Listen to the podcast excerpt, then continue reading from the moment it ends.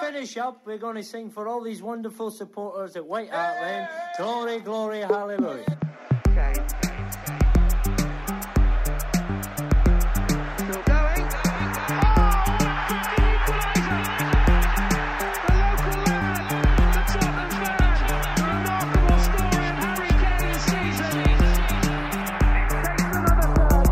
Hi, this is Graham Roberts, and I'm listening to the Golden Cockerel podcast.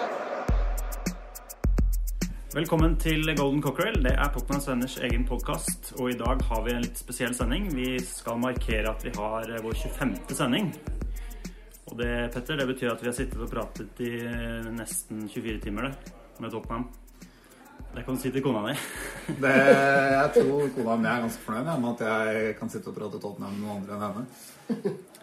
Um, og eh, det er en litt spesiell eh, sending. eh, Det skal vi komme litt tilbake til. Men vi er også et litt spesielt sted. Vi er nemlig hos deg, Tom Njå Eriksen. Ja. Fortell litt om den eventen du har her i dag. Jo, dette kaller jeg egentlig Toms pub. Eh, vi har jo holdt på med dette her i i hvert fall ti år. Jeg har prøvd å ta det på årlig basis, men det har dessverre ikke latt seg gjennomføre. Eh, Dette er ikke noe offisielt eh, Tottenhams venner-arrangement. Det har det kun vært én gang, og det var i forbindelse med med kåringen av årets, av årets quizmaster for en tre-fire år tilbake, hvor Øystein Haugen vant. Men utenom det så har jeg tatt dette på private initiativ, og jeg syns det har vært Jeg trives med det og har egentlig fått ideen ut fra champagnefrokoster som jeg var på i gamle dager. Både, både med Tottenham og også med Lyn, som jeg holder med i Norge. Mm. Det innebærer egentlig at jeg eh, i alle disse årene har eh, kjøpt inn en fire-fem flasker gul enkesjampanje. Som jeg da liker å dele med mine venner. Her blir det god stemning, og hvis dere hører litt bråk i bakgrunnen, så er det rett og slett det som er grunnen. Her er det en hel gjeng med Tottenham-folk som forbereder seg på eh, kamp senere i dag. Eh, Vi skal introdusere deg også, Fredrik Eriksen. Ja, hei sann. Du har vært med en gang før også og prata litt om eh, Tottenham i gamle dager. og du kan, Det er en litt morsom historie, dette her, hvordan dere to traff hverandre. Ja. Fortell eh, om det. Nei, Tom og jeg møttes på stedet i Torgata i Oslo. Det var et sted de overførte engelske ligamatcher på tidlig 90-tall. Vi hadde vel gått der noen ganger uten at vi hadde prata med hverandre, men eh, det var vel på vårparten 93 at eh, da skulle Tottenham møte Chelsea borte. Og jeg eh, ankom Tom var der, da, men jeg satte meg ned Vi hadde noen gode sofaer der, husker jeg. Jeg satte meg ned, og det første Tom sier da når jeg har satt meg ned, er vel at du holder vel med feil lag. Nei, jeg holder med Tottenham. Det kan ikke bli feil. Oi, ja, jøss, gjør du det? Ja. Ja, er du med, Så spør han videre. Er du medlem av Tottenhams venner? Ja da, jo, jeg er medlem. Er du medlem i av engelske klubben nå? Ja, jo, jeg er medlem av engelske klubben. Abonnerer du på hjemmeprogrammet nå, eller? Ja, jeg er jo jeg abonnerer på hjemmeprogrammet. Ja, drar du laget fra ligacupfinalen i 73, ja? Og det gjorde jeg jo. Da var jeg godkjent. Så da var det greit.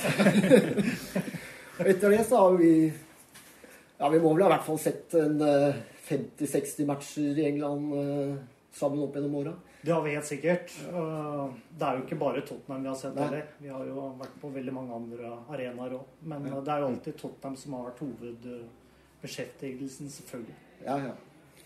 Og miljøet har kanskje vokst litt òg i Norge? Det har blitt litt flere, ja. Vi var vel eh, tre stykker på stedet der i starten. Og Paul, eh, eller Paul Lerpål eh, var jo der med i starten. Og så kom jo Asle Gundersbyen etter hvert, og så har det bare balla Ja. på seg. Det var jo, eh, Det var vel noen andre også, men de mistet vi Ja. Eller de hadde vi svært liten kontakt med, kan du si. Ja. De forsvant jo etter hvert også. Så dette var vel på en måte starten på det som etter hvert ble miljøet på Bohemen da, i Oslo. Ja, det blei vel eh, på sett og vis det. Vi hadde jo faste middagstreff før matchene på den tida der, for da, eh, da blei det jo vist kanskje én match hver sjette uke eller et eller annet.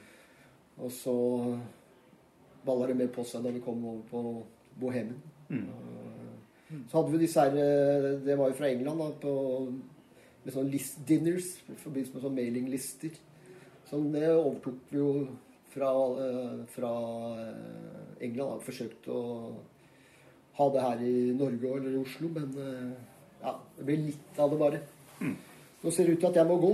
Ja, takk, eh, takk, takk for bidraget. Fredrik. Og sånn, eh, Sendingen blir litt sånn som dette her, fordi nå er meningen her at vi skal hente opp eh, litt gjester fra, fra puben til Tom etter hvert, og vi skal fortelle morsomme historier. Vi har mange karakterer i denne gjengen her, da, så, så det blir morsomme historier fra, fra flere bidrag. Men eh, Tom, kanskje du kan fortelle litt om, om denne puben din. Du har veldig mange ting der nede.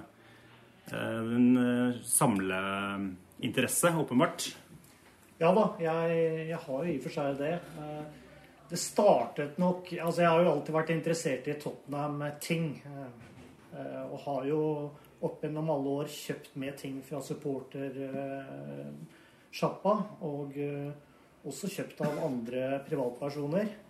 Men det hele startet, denne selve samlemanien startet vel egentlig litt tilfeldig via en diskusjonsforum i Bastionen, faktisk. Lyn supporterklubb. Hvor en eh, sa at et eh, Tottenham Lyn-program var til salgs på eBay. Eh, dette så jeg. Jeg var ikke klar over at Jeg var ikke klar over eBay i hele tatt, egentlig. Vi snakker vel nå tidlig på Eller midt på 90-tallet. Eh, og jeg opprettet bruker, selvfølgelig, og kjøpte dette programmet. Kostet meg ikke mer enn tre pund. Det var vel egentlig starten på dette her. Ja.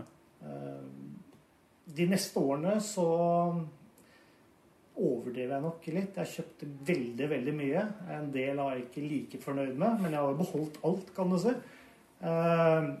Ja, for det er ikke bare ting du kjøper i butikken. Det er jo ting du finner også. Det er jo eh, ting fra gamle stadioneffekter og artefakter. eh, Ja. Det er det. det er det. Du kan jo si at noe av det jeg er- setter størst pris på, eller jeg er mest glad i, er jo disse Tottenham-stolene. Det er jo fra klubben selv, kan du si. Mm. Men eh, det er jo gjennom mellommenn. Altså klubben hadde jo disse stolene. Noen engelskmenn har sannsynligvis kjøpt det og solgt det videre til meg. Og ja, det er farlig å si at du har betalt blodpris, men eh, du har jo i hvert fall Hvis du tar med frakten, så er det nærmere seg det. Nå er det en del eh, kampprogrammer og fra tilbake i tid, eh, også før den Lynkampen i 72. Helt klart. Jeg startet jo selv med å abonnere på hjemmeprogrammene i 81, og har vel da komplett liste derfra. Utenom en og, altså, programmet før 81 har jeg kjøpt sporadisk i ettertid. Jeg har jo bl.a. hele samlingen fra nedrykkssesongen vår. Eh, Og også opprykkssesongen vår på 70-tallet. Eh, Det eldste programmet jeg har, det er jo fra 1908. Vår første sesong i, eh, i The Football League totalt sett. De er ikke så lett å få tak i. Er det sikkert mange som lurer på hva et program fra 1908 koster i dagens marked? Ja, jeg kan vel si såpass at eh, det ligger på en 7000-8000 kroner. Det er litt verdi nedi kjelleren her. Ja da, det er det. Hva er det mest spesielle objektet du har, tror du?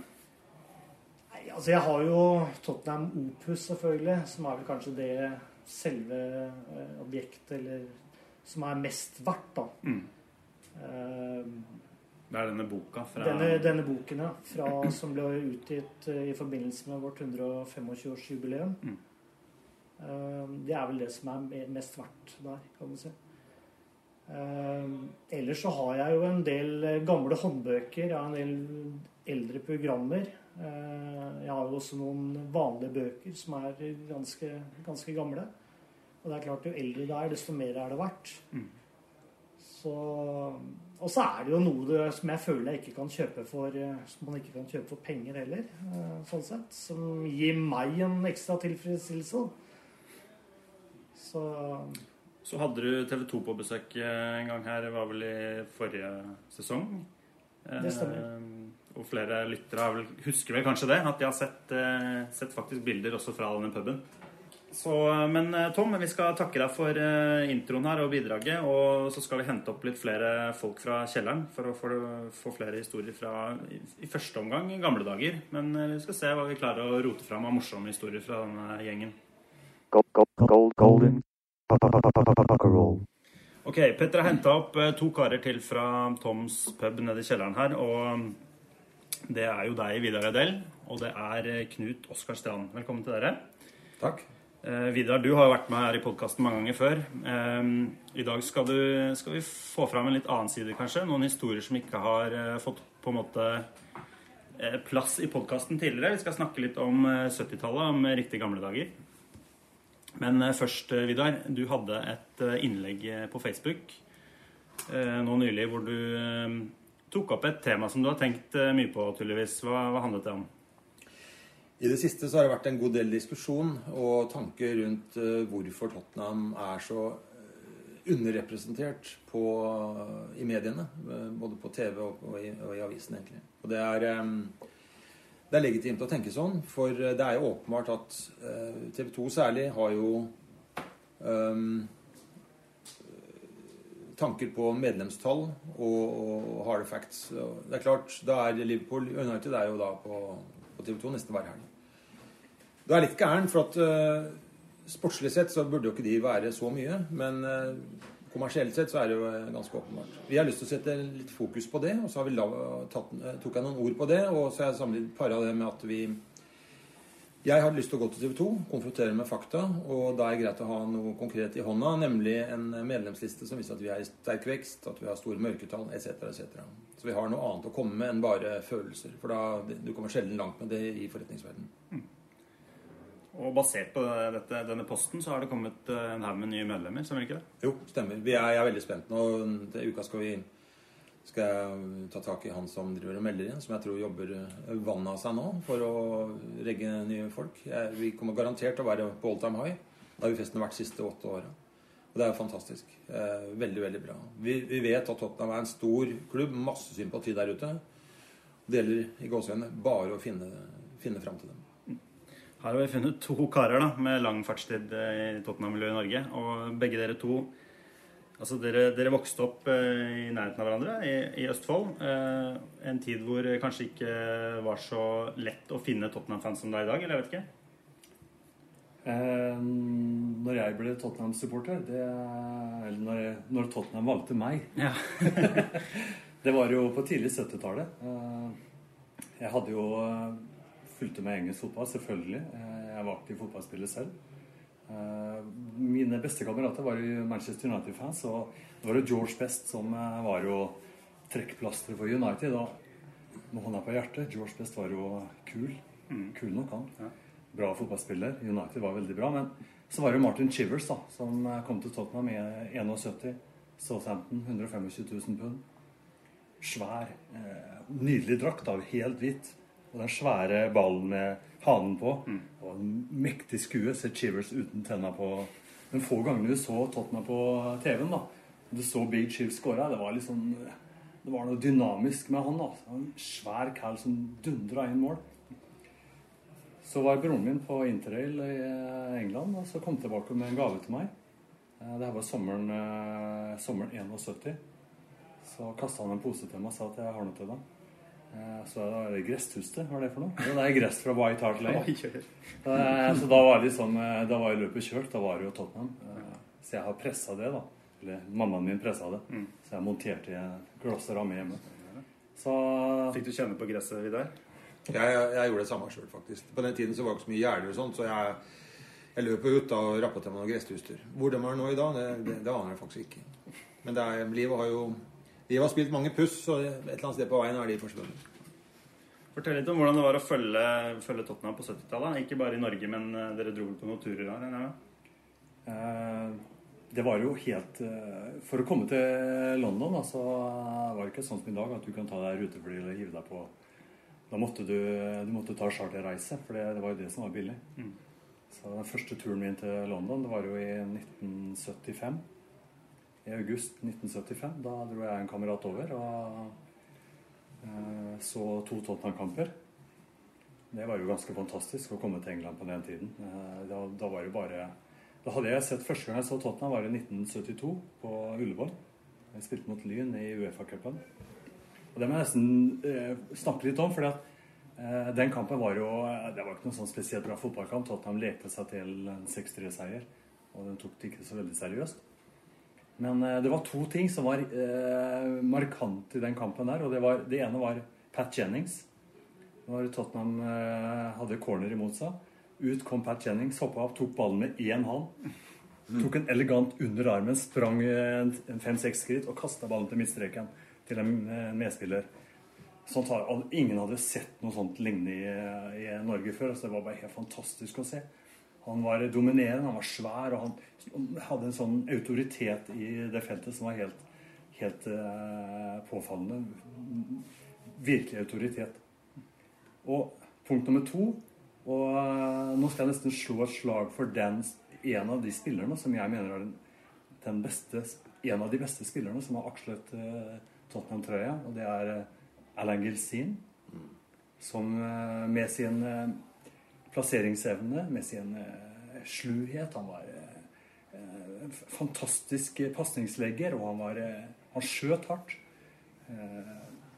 Lå bindeledd mellom midtbane og, og, spiss. Men det som var mest fantastisk, det var jo hodespillet hans. Det er ingen i nærheten som, er, som jeg har sett, da, som har hatt, vært så dominerende på hodespill som Alan Gilsin. Og Gordon Banks til og med. Han kutta ut og, og gå, gå opp i eh, du, dueller med Erlend Gilsin for at han visste at han eh, her kom til å tape. Du ser, Jeg har jo bare sett bilder eh, av Erlend Gilsin. Han ser ut som han er 40 år gammel når han spiller aktivt. Er det Han, han, han mista jo håret ganske tidlig. Han kom jo til Tottenham i 19, jeg tror det var i 64 og spilte der i ti år. Ja.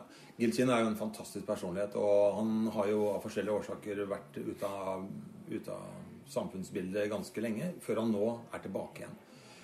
Eh, Tom Eriksen, der vi sitter i dag, traff jo Erlend Gills inn på en omvisning på White Hart Lane ganske nylig. Og Tom sa jo da på sitt eh, sedvanlige diplomatiske mål at han, han ser jo yngre ut, yngre ut nå enn han gjorde på 70-tallet.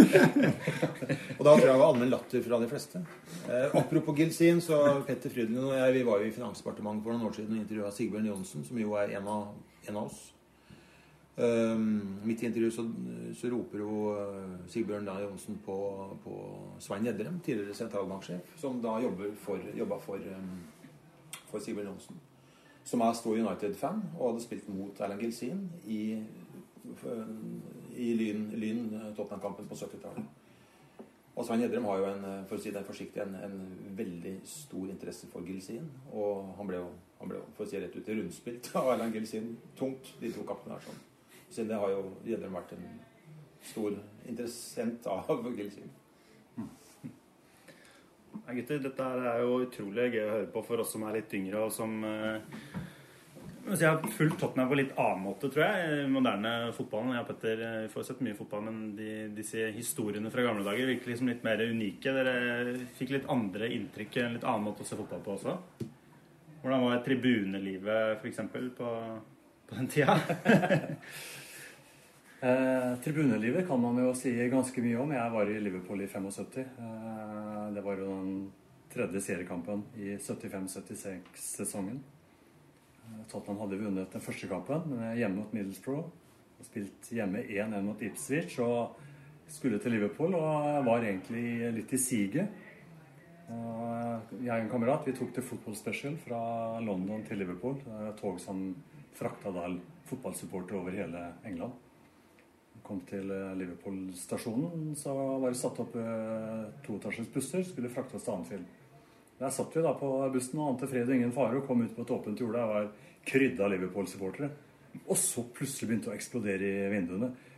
Bombardement eh, fra Liverpool-supporterne av steiner og flasker og alt mulig som kunne kastes. Og ruten eksploderte. Det bare det hagla med glasskår rundt omkring hele og vi søkte jo dekning under dekkene, mens, eh, under, eh, under setene, mens eh, de garvede Tottenham-supporterne de kom jo da med oppskjønne bevegelser mot Liverpool-fansen og skrek 'wankers' og Og de rutene som da ikke ble knust, det hang Tottenham-gutta seg i hattehyllen og sparka ut rutene og tok setene i bussen og kasta på parkerte biler.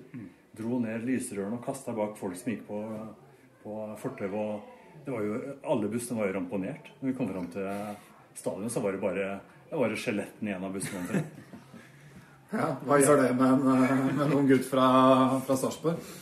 Det var jo en stor overgang fra å gå og se eh, SFK spille hjemmekamp mot, eh, mot Lyn f.eks., eller å komme seg da til Anfield, hvor det var en veritabel krigssone. For det var det det var.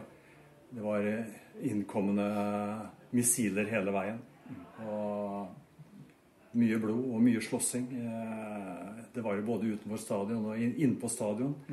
Eh, Bare bortefansen og hjemmefansen var ikke avgrensa annet enn at det var politimenn som holdt hverandre i, i, hånd, i hendene da, for å skille gærningene fra hverandre. Men det var ikke så lett. Det var jo slag og spark og kasting eh, hele kampen igjennom. Tottenham leda 2-0 ved pause, og vi, det var jo helt fantastisk. Da, da, var det jo, da, var sitt, da var jo situasjonen veldig hatsk på tribunen, for Liverpool-fansen var jo helt de, De ville jo ikke tape den kampen, selvfølgelig. Og i andre omgangen så snudde jo Liverpool og vant 3-2. For helsa sin skyld så var det kanskje bra at eh, det skjedde, men eh, det var jo en veritabel nedtur å tape den kampen. Eh, Steve Highway med et brassespark på slutten av kampen avgjorde det. Eh, Og det å komme seg hjem trygt på toget, da jeg var en lettelse. Da kom vi hjem med alle lemmer i behold. Litt annerledes enn eh, det er å gå på fotballkamp i dag, hvor jeg i hvert fall føler meg veldig trygg den gangen jeg har vært i, på fotballkamp de senere årene. da. Jeg og Petter har snakka mye om eh, tribune, eller om stemning på tribunen i podkasten helt siden vi starta opp dette greiene her. Og eh, man, har, man ser jo på en måte tilbake på den tiden som litt sånn gyllen tid for eh, stemningen, og at det var ikke minst det at det var et større lag av befolkningen som var på fotballkamp. da. Mens nå er det kanskje mer de som har råd til det, som kommer, og det setter også sitt preg på stemningen. Hvordan opplever dere den overgangen? Jeg var, på, eh, jeg var også i Tottenham og så Tottenham Bolton i, eh, når vi var nede i andredivisjon. Toppkamp. Eh, 78. 78. Eh, Tottenham vant 1-0. Det var over 50 000 på White Hart Lane, og det var vel stort sett bare ståplasser, tenker jeg. En vanvittig liv, men da var det ikke noe Jeg så ingen voldsepisoder i det hele tatt. da. Eh, så det, det, det var jo en, tydeligvis da en forbedring. Da hadde man begynt å jobbe, med, jobbe mot hooliganism. Men det, det, var en, det var jo en vanvittig opplevelse. Eh, Når kampen var slutt, så spilte man over høyttaleranlegget Queen-låten 'We Are The Champions'. Og det, det var intet Det var ikke noe tørre øyer på White Hart Lane, og alle sang med. Det var helt, det var helt vanvittig opplevelse. Selv om vi med et nødskrik klarte å komme oss opp den sesongen der, så var det en fantastisk opplevelse. Det er jo eneste sesongen siden 1950 at Tottenham har spilt eh, på nivå 2. Det er også ganske godt gjort når man ser eh, tilbake på historien. Min mest hårete opplevelse var i 84. Da var jeg på Uefa-cupfinalen. Eh, Anderlecht, eh, borte, bortekampen her i Brussel. Og det var jo Det gikk jo som armer og bein. ikke sant? Men da, da jobba jeg i Forsvaret, så jeg var godt eller godt slash dårlig vant. Jeg var, så, jeg var, jeg var forholdsvis uredd, var, var singel og ikke så mye nedside. Og det var greit, for at det, der gikk det unna. Det var, eh, vi ble skutt på blant annet, etc., etc. Det er, som du sier, det er jo for en, for en ung person så er det ting du husker en stund. Bare si den kampen du sier å bli skutt på. Det, det var jo en Tottenham-sporter som døde. I Ja, eh, Brian Flanagan fra, fra Wood Green. Helt eh, som faktisk ble skutt og døde eh, kvelden før kamp. Stemmer det. Som var med på. Mm. Det gjorde at mm, aggresjonsbildet var jo bygd opp allerede. Det var noe som bitte lite som skulle til for at det tok helt av, og det tok av. Det gjorde det. Ja, så det er, det er ikke bare glansbilder fra den eh, tiden på ingen måte. Det er ganske dramatiske ting å høre for eh, ja, det, er, det er helt annet. Helt forskjellig. Helt Det er annet. Det er. Nå, er det, nå, er det, nå skal du være veldig, veldig veldig uheldig for å komme i noe som helst. Hva er det mest spesielle dere har opplevd med Tottenham? Eller kanskje litt sånn med litt morsomt fortegn? Er det, er det noen rare historier fra den tiden? Eh, hadde dere f.eks. noe tett, tettere kontakt da, med, med spillerne? Har dere opplevd noe, noe i forbindelse med det? Det var mye lettere å komme i, i kontakt med dem. For du, du kunne gå ut på parkeringsplassen utenfor stadion, og de satte seg i bilene sine og de tok seg absolutt til en prat. En av, som Petter kjenner godt, Odd Hølen, forteller jo han satt jo Der var jo Det må være var i kvartfinalen i Uefa-cupen, tror jeg. Mot Milan. Da satt jo han og Erland Gilsin inne i en bil og snakka og kommuniserte da så lenge opp til kampstart at det var Odd Hølen som måtte minne Gilsin på at han skulle spille kamp.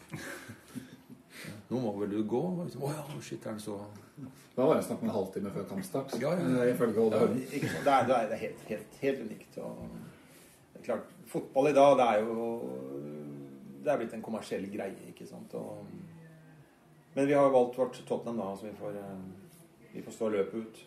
Det skal jo sies som Alan Gill sier nå, at han var jo en fast gjest på puben Bell and Hair utafor White Hart Lane etter kamp, både etter bortekamp og hjemmekamp. Da var det jo sånn, Jeg har hørt historier om disse supporterbussene på 70-tallet som var, reiste England rundt. Så kom de gjerne tilbake til White Hart Lane, og så gikk gutta på pub. Og så en halvtime etterpå så kom spillebussen. ikke sant? Så var det flere av gutta på spillebussen som også gikk inn på puben og feira eller eh, drakk ravel. Det, det er jo Det er jo ganske annerledes fra det, fra det vi er vant til i Vi Du skal langt ned i ligasystemet for å få finne det samme i dag.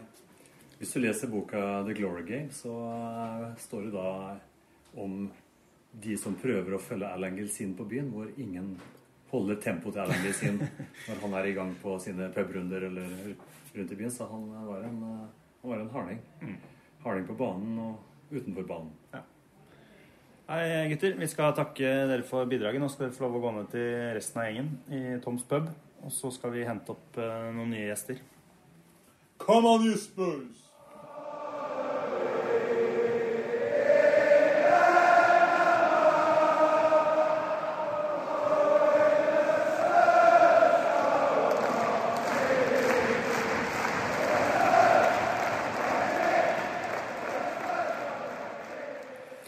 Ok, Da har vi hentet opp eh, en person til fra kjelleren, og det er, eh, det er en bohemen-gjenganger. Det er eh, en, en jente. Heidi Byom Nilsen. Velkommen. Takk for det. Henta meg opp fra kjelleren. Ja. Og, og grunnen til at vi Du har selvfølgelig mange morsomme historier, men vi hadde tenkt å spørre deg litt sånn overordna hvordan det er å være jente da, i dette Tottenham-miljøet. Eh, ikke bare i Oslo, men altså, du reiser jo på matcher også i England. Ja. Hvordan, eh, hvordan er det? Nei, altså, eh, For å begynne med det, så er det jo Det er, det er jo gøy å være jente og fotballsupporter, fordi man får jo oppmerksomhet rundt det. Det har jo vært eh, mye Særlig kanskje da jeg var yngre. da, Mange kjekke gutter og mye oppmerksomhet. Men eh, det å være Tottenham-supporter som jente, jeg tror ikke det er noe annerledes enn å være Leicester-supporter som jente eller eh, andre lag. Nei. Eh, det tror jeg ikke. Men Og det er ikke noe å være redd for å være en del av eh, Tottenham-miljøet, f.eks. i Oslo, som du er? Nei, ikke på noen måte. Det er jo bare morsomt. Og vi er jo Eller det er jo på Bohemen jeg har blitt kjent med alle Tottenham-gutta mine, som jeg sier. Mm. Det, jeg har jo vært der siden 98 og sett fotballkamper. og det er jo stor eh, underholdning til tider. Gutter er jo rare når de ser fotball og drikker litt. Det er vi jenter òg, da, selvfølgelig. Men nei, vi er jo fåtall. Det er klart. Mm. Eh, og, men det er morsomt. Og jeg føler jo at det alle, er, vi har blitt godt tatt imot, så, eller jeg, da, som jente. Ja, men det er flere. Når du er- sier vi, så, så ja, er det ja. egentlig flere. Det er flere. Det er ikke kjempemange, men jeg, det, er, eh, det er jo noen som eh, som kommer innom. Og kanskje stadig blir det flere også, fordi at jeg tror jenter har blitt generelt mer glad i fotball. Det, Mm. det har blitt mer legitimt å være jente- og fotballsupporter da, enn det det kanskje var på 90-tallet. Ja. Mm. Hva var det som gjorde at du ble Tottenham-supporter, Heidi? Ja, det var pappaen min, vet du. Han, eh, han var eh, Tottenham-supporter på sin hals. Og han eh, husker jo, eller husker, han er dessverre død i dag, men han eh, huska jo eh, mange kamper som jeg dessverre aldri fikk sett, altså naturlig nok. Og Han har fortalt meg historier om spillere som var store for han. Og, og det er jo spillere som er store for, for, for oss unge. Altså ikke jeg, jeg er ikke så ung lenger, men som du også, Petter, eller du Hans Marius, har, har hørt om. Ardiles og altså disse store spillerne. Det, ja. Så jeg, ja. Og så var det noe Jeg var vel ikke sånn dødsinteressert i fotball mellom Altså før jeg ble 18-19 år. Men da begynte jeg å bli veldig interessert. Og da var det en Gary Lineker vet du, som spilte, og han eh, var dritkjekk, altså. Det er enkelt og greit. Sånne ting er liksom litt for jenter, kanskje? Ja, ja, det er klart det er. Det handler jo om det. Og når vi snakker om det å være jente og følge med på fotball, så er man jo interessert i hvor, altså, kjekke gutter og Det er man jo. Så var det en venninne av meg som sa at jeg måtte sjekke litt ut uh, Jamie Redknapp, for han var så grisefin. Og det klarte jeg ikke å se der han løp rundt i den røde, stygge drakta si. Eh, ikke i det hele tatt. Jeg skjønte ikke hva hun snakka om. Og så ble han jo Tottenham-spiller og dro på seg Tottenham-drakt. Så jeg måtte ydmyk ringe venninna mi og si at ja, du har rett. Han er kjempefin. Så det Sånn er det. Mm. Og Petter, eh, du har jo Jeg tenkte jeg skulle spørre deg noen spørsmål, fordi du har jo bodd i London en tid, som mange vet. Og du har jo selvfølgelig mange historier derfra. Fra den tiden. Mm. Og det er kanskje historier som ikke har fått eh, liksom, plass i podkasten av eh, andre årsaker tidligere. Men eh, du kan jo fortelle litt hvordan det var å bo, bo i London. Ja. Bo, jeg bodde jo i London fra 2006. Eh, et, et år da, og så et år fra 2008 til 2009. Og da bodde jeg jo i, i Wood Green, mellom Wood Green og Tottenham. Så jeg hadde jo gåavstand til White Hart Lane. Og, og Wood Green lå også ganske nære Highbury, eller Emirates. Sånn at uh, den lå litt sånn midt mellom, på en måte.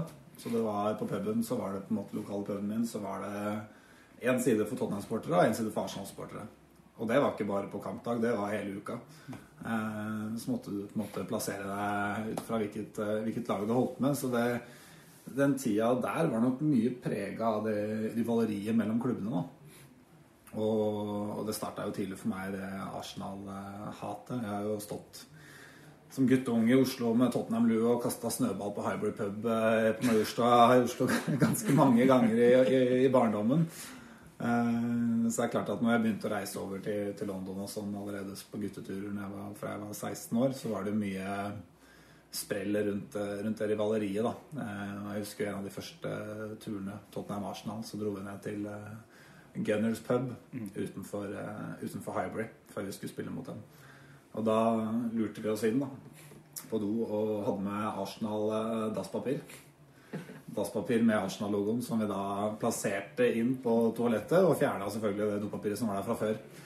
Eh, Så jeg har skrevet mye for å se et ansiktet til den neste Arsenal-typen som gikk inn for å drite der. Der hadde du vel med også Da hadde du med Kai, var det ikke det? Som også Jo. er en kjenning av deg, Heidi, og, og, og vært med i podkasten også før. Ja da, vi hadde mange morsomme turer. eh, Og det var mye av det Jeg husker også vi slo Arsenal 5-1 i, i Lia-cupen. Da hadde jeg stor glede av å ta på meg Tottenham-drakt og gå rundt Highbury og gå rundt Emirates Stadium dagen etter, midt på dagen, og smile fra øre til øre. Det, Men eh, det er jo mange som sier nå at det er litt farlig, det du forteller nå. Har du opplevd noe rundt det? Altså Når du nå er litt cocky og sier at du har gått rundt i Tottenham-utstyr? Den ene gangen jeg gjorde det, så fikk jeg kun én tilbakemelding, og det var faktisk en drosjesjåfør som ropte 'Hero!' ut av, ut av drosjevinduet, så da var jeg heldig, kanskje. Eh, Men det er klart, jeg har eh, også opplevd han i Det er jo noe helt annet enn det vi hørte disse gutta tidligere snakke om 70-tallet. Men det er klart, du møter du feil folk eh, i dag òg, så er det jo Så står du på en måte i fare for å få deg en på trynet. Og det, så helt ufarlig er det ikke i dag. Men akkurat da var jeg villig til å ta den sjansen. Jeg kan spørre deg, Heidi, hvordan du opplever det. Fordi det, det miljøet på Bohemen, da, som du ofte er på, eh, så er det jo en god blanding av eh, forskjellige lag. Og du er jo også sammen med en United-supporter. Er det? Og så hvordan, hvordan er, føler du at det, det går med den miksen av andre supportere? Nei, jeg tenker at det gjør egentlig bare det å være fotballsupporter enda rikere. Fordi for, meg, altså for meg har det aldri vært utrygt å, å være fotballsupporter i det hele tatt. Og jeg har jo også vært i London og hatt på meg noen effekter og sett Arsenal-folk rundt meg og sett at de liksom Men så er det et eller annet med at du er jente, og de, de, de Til og med Arsenal-supportere er liksom ikke så opptatt av å slåss, da. Det, det, ja. Eh, Men på, på Bohemen så er det jo bare Vi er jo stort sett venner. Det er eh, akkurat de to timene eller 90 minuttene hvor det er kamp, eh, så er det jo litt rivalisering. Og det er jo noen som kanskje slenger litt dritt og Men jeg syns det har blitt mye bedre enn det var. Mm. Jeg syns kanskje det var mer trøkk for 10 år sia, 10-15 år sia. Litt mer humor kanskje nå? Ja, ja, nå er det mer humor. Da, da var det særlig da vi, altså når vi spilte mot eh, Arsenal, så var det jo ofte Det var en tre-fire Arsenal-gutter som, eh, som jeg for så vidt har blitt kjent med. Og er helt, de er ålreite gutter, tross alt. Men eh, da, var, da kunne de jo klemme til litt, og det opplever jo også. Du nevnte jo at jeg er gift med en United-supporter. og Han også kan jo oppleve det, at eh, kanskje da særlig med Liverpool-folk, at det blir litt sånn clinch. Men, men er ikke det en del av greia? Jo, Jo, litt temperatur skader ikke det. Men det er jo samtidig også greit å, å ikke ta med seg eh, det verste man ser i England eh, tilbake til puben eh, i Oslo. Det er eh, noe med tid og sted og, og fornuft. Men apropos temperatur og, og puben, Petter. Du, du har jo noen historier fra når du tilfeldigvis møtte på en gjeng med Arsenal-spillere på, på byen. Ja, det er en litt spesiell historie. Det var ute og feira bursdagen min i London for en fem års tid tilbake. Så hadde vi spilt eh, Lia Cup-kamp mot Arsenal, som gikk til ekstraomganger. Så tapte vi på ekstraomganger etter at Nasser Nasri filma seg til straffe. Så var det normalt sett taper vi mot Arsenal, så er det fort gjort å dra hjem og legge seg under dyna. Men så var det bursdagen min, da. Og da hadde jeg noen kompiser som insisterte på at vi måtte, måtte dra ut. Så vi gjorde det, og kom til et eh, ganske så fancy utested i, i sentrum av London. Og så- så går jeg inn for å pisse. Så ser jeg til venstre for meg at der står jo faen meg Nasser og pisser ved siden av meg. Så var jeg Jeg var vel litt, eh, litt ufin kanskje først. Og Nasri står bare så, så rart med. Men så kom eh, Sagna ut fra dassen og har sikkert sittet og driti og hørt på der. Så han kommer ut og blir jævlig hissig, da. Og skal liksom opp i trynet på meg. Han har sikkert vaske seg på hjemme en så jeg var litt eh, jeg var liksom veldig, veldig klar for å få de Sagna henda opp i fleisen. Men eh, det som skjer, er at det blir ganske Da kommer en kompis av meg òg, så da blir det litt småampert. Eh, og sangen er kjempehissig. Og så kommer det noen vakter er fra utstedet. Og så viser det seg at de to Arsenal-spillerne blir kasta ut av det utestedet. av Astrid. Og jeg står igjen og lurte på hva faen som skjedde her.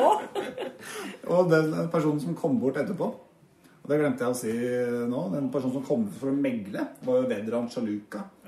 Korluka spilte jo back på Tottenham på det tidspunktet, så han kom skulle megle, da. Veldig absurd, eh, absurd greie. Han kalte meg for Peter Crouch og alt mulig. Og han, eh, så vi drakk jo med han da, resten av kvelden. Og var, ja, det var en eh, Jeg skal ikke si en bra kveld, siden vi tapte mot Arsenal, men det ble en morsom seanse på, på nattklubben. da. Fortell om den gangen du jobba i Sega. Det, det er også en ting som En historie som er litt morsom.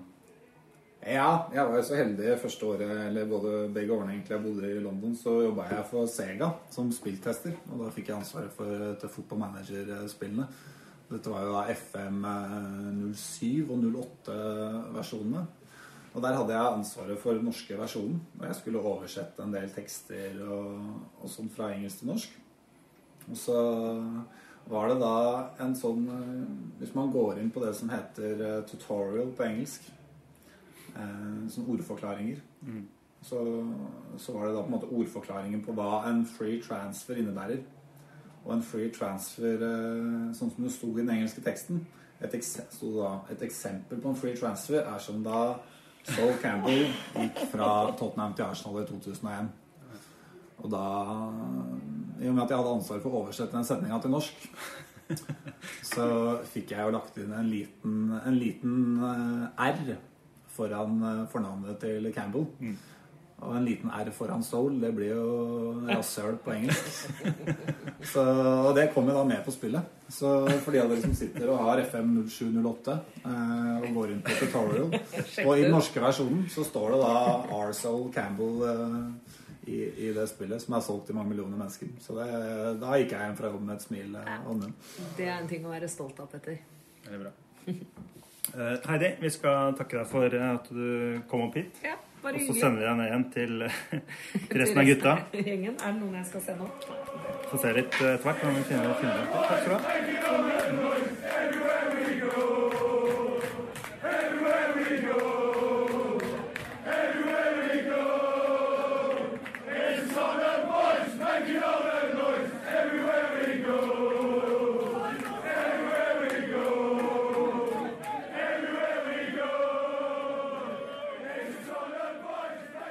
Ok, Vi har henta opp igjen eh, Tom, og eh, Tom, du skal få avslutte eh, dagens sending med noen gode historier fra, fra det å følge Tottenham. Det er ganske spesielle historier, morsomme historier, som vi har hørt før, og som du kan fortelle igjen nå. Du har to, to historier du ville spesielt fortelle når du ble spurt om å trekke fram noe morsomt som du har opplevd med Tottenham. Ja, Den ene historien er egentlig fra sesongen eh, 92 91-92, hvor eh, Tottenham spilte mot Ipswich reservelagskamp på Portman Road. Vi var vel en gjeng på en fire-fem norske eh, som dro oppover med toget for å se på reservelaget spille. Og på den tiden der så hadde vi jo spillere som eh, Ian Walker sto i mål, blant annet.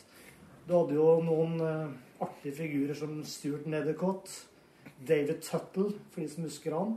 Ian Henden, som også ble på den tiden der eh, spådd en lysende fremtid. Kom til å bli en av de aller beste bekkene England noen gang har sett. Og eh, ikke minst Winnie Samways og eh, Pat Hau var med på dette reservelaget. Nok om det. Eh, Kampen husker jeg jo ikke spesielt mye fra, men jeg husker at Winnie Samways, eller Sideways som vi kalte han, skåret på seiersgålen. Og stemningen var i hvert fall god blant eh, oss nordmenn. Eh, Det var jo sikkert en 100 Tottenham-fans der også. Og, eh, men nok om det. Vi vinner 1-0. Eh, Hva gjør vi etter at kampen er over? Dette er, dette er en kamp som gikk forholdsvis sent. Det var vel kickoff eh, 7.45 i engelsk tid. Eh, Vi hadde jo bare booket eh, togtur til Ipswich, men eh, Så vi hadde jo på, mer eller mindre belaget oss på å ta toget hjem igjen. Så viser det seg at vi blir igjen der en liten stund og prater og treffer noen engelskmenn og har en hyggelig chat. Og tilfeldig så ser vi jo at spillerne kommer ut og skal ta bussen hjem. Og de greier altså ikke å starte bussen. Bussen står og spinner, og det er problemer. Og eh, den gangen var jo da Ray Clemens var reservelagstrener. Jeg mener at Pat Welton var også med. Han var jo da um, ungdomstrener på den tiden. Og de kommer da med et tilbud til oss fire-fem nordmenn. Um, hvis dere blir med og dytter i gang denne bussen her, så får dere sitte på hjem. Vil bare så at det lyste opp i øya på alle gutta. Og jeg tror aldri jeg har dyttet så mye heller. Eh, Bussturen hjem var jo fantastisk morsom, egentlig. Vi, vi fikk jo et visst innblikk i Selv om det var jo stort sett reservelagsspillere der, så var det jo tross alt uh, Pat van Hall var jo på den, på den tiden en forholdsvis etablert uh, førstelagsspiller. Det jeg husker fra bussturen, var jo at uh, gutta spilte kort hele tiden. Og eh, de som tapte, pælma kortene faktisk bare ned i gulvet. Fikk faktisk noen av disse assistant eh, managere eh, til å plukke dem. Det var, en, det var en veldig spesiell atmosfære i den bussen. Pat van Hall satt og ringte til Mandy Smith stort sett på hele turen. som tok et par timer. Mandy Smith var, var en kjent en dame som hadde vært eh, samboer eller gift med Jeg tror det var en person i, Rolling Stone, så jeg er litt usikker på hvem det var. Men eh, hun var på den tiden en, en, en skikkelig fotomodell.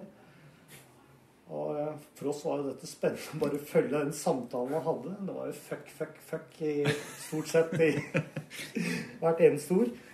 Eh, Men nok om det.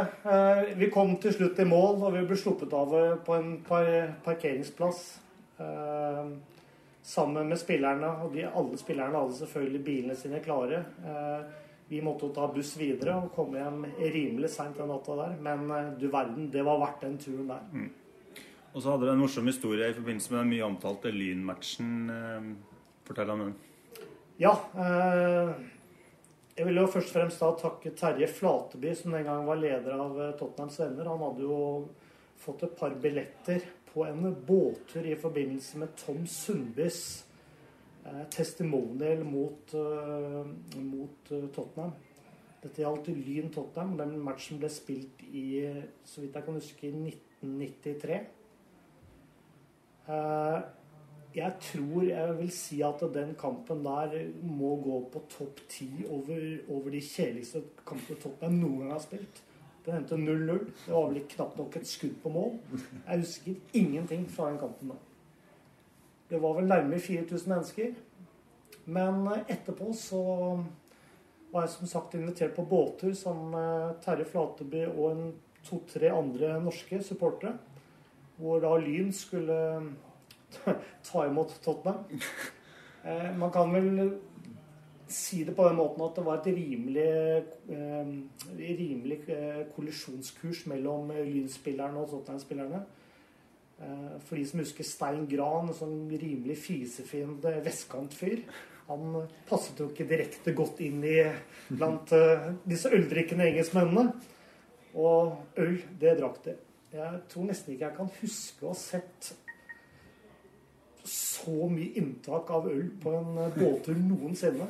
Eh, Jeg husker at Darren Anderton i løpet av en eh, båttur som varte i to timer, i hvert fall bar en seks-sju brett med åtte-ni eh, pints. Og det utartet seg til å bli en ganske spesiell kveld. Kjell Roar Kaasa, som spilte for Lyn den gangen, han dro fram gitaren og prøvde å få i gang stemningen. Han fant ut at det var få Lyn-spillere som hadde noe hele tatt å, å snakke med Tottenham-spilleren om. Eh, og engelskmennene ble fullere og fullere. Heldigvis så hadde, så hadde man bestemt at man hadde tatt inn et eh, damehåndlag damehåndballag for å underholde på en måte. Og jeg tror at dette var dame fra Refstad. Og stemningen steg litt uh, da etter hvert, uh, når de kom. Eh, nok om det. Vi fullførte båtturen. jeg husker godt at det daværende manager Osvaldo Ardiles han drakk mest rødvin, mens alle disse spillerne hans drakk pils. Når vi da kom til kaia med Oslo ved Oslo-kaia, så hadde jeg også fått i meg en del. Men, men ikke så mye som disse engelskmennene. Og jeg tenkte at jeg, ok, jeg får gå bort ut til, på kanten av kaia. Og da så jeg faktisk en ganske liten mann. Litt sånn skjelven i kroppen og litt ustø på beina eh, vagge rundt deg med en rød flaske i hånda. Det viste seg å være Osvaldo Ardiles. Tom, eh, dette er gullkorn. Eh, Og, ja, Fortsett. ja, eh, jeg må jo avslutte storyen. Eh, og da benyttet jeg selvfølgelig den anledningen til å spørre Osvaldo Will there be any new signings during the summer? Yeah, I can guarantee you one big signing. But I can't give you the name. Please, Sose. Nei, Han ville aldri komme med det navnet, men vi fant det fort ut. To måneder etterpå var Jason Dozell Tottenham eiendom for 1,9 millioner kroner. Fantastisk. Eh, Tom, vi skal avslutte sendingen og si tusen takk for at du ville ta oss imot i dag. Og, eh, og for all, eh, alle historiene. Bare hyggelig. Så sier vi, Petter, takk for oss Takk for oss. Med en liten ny Darmy. Gir!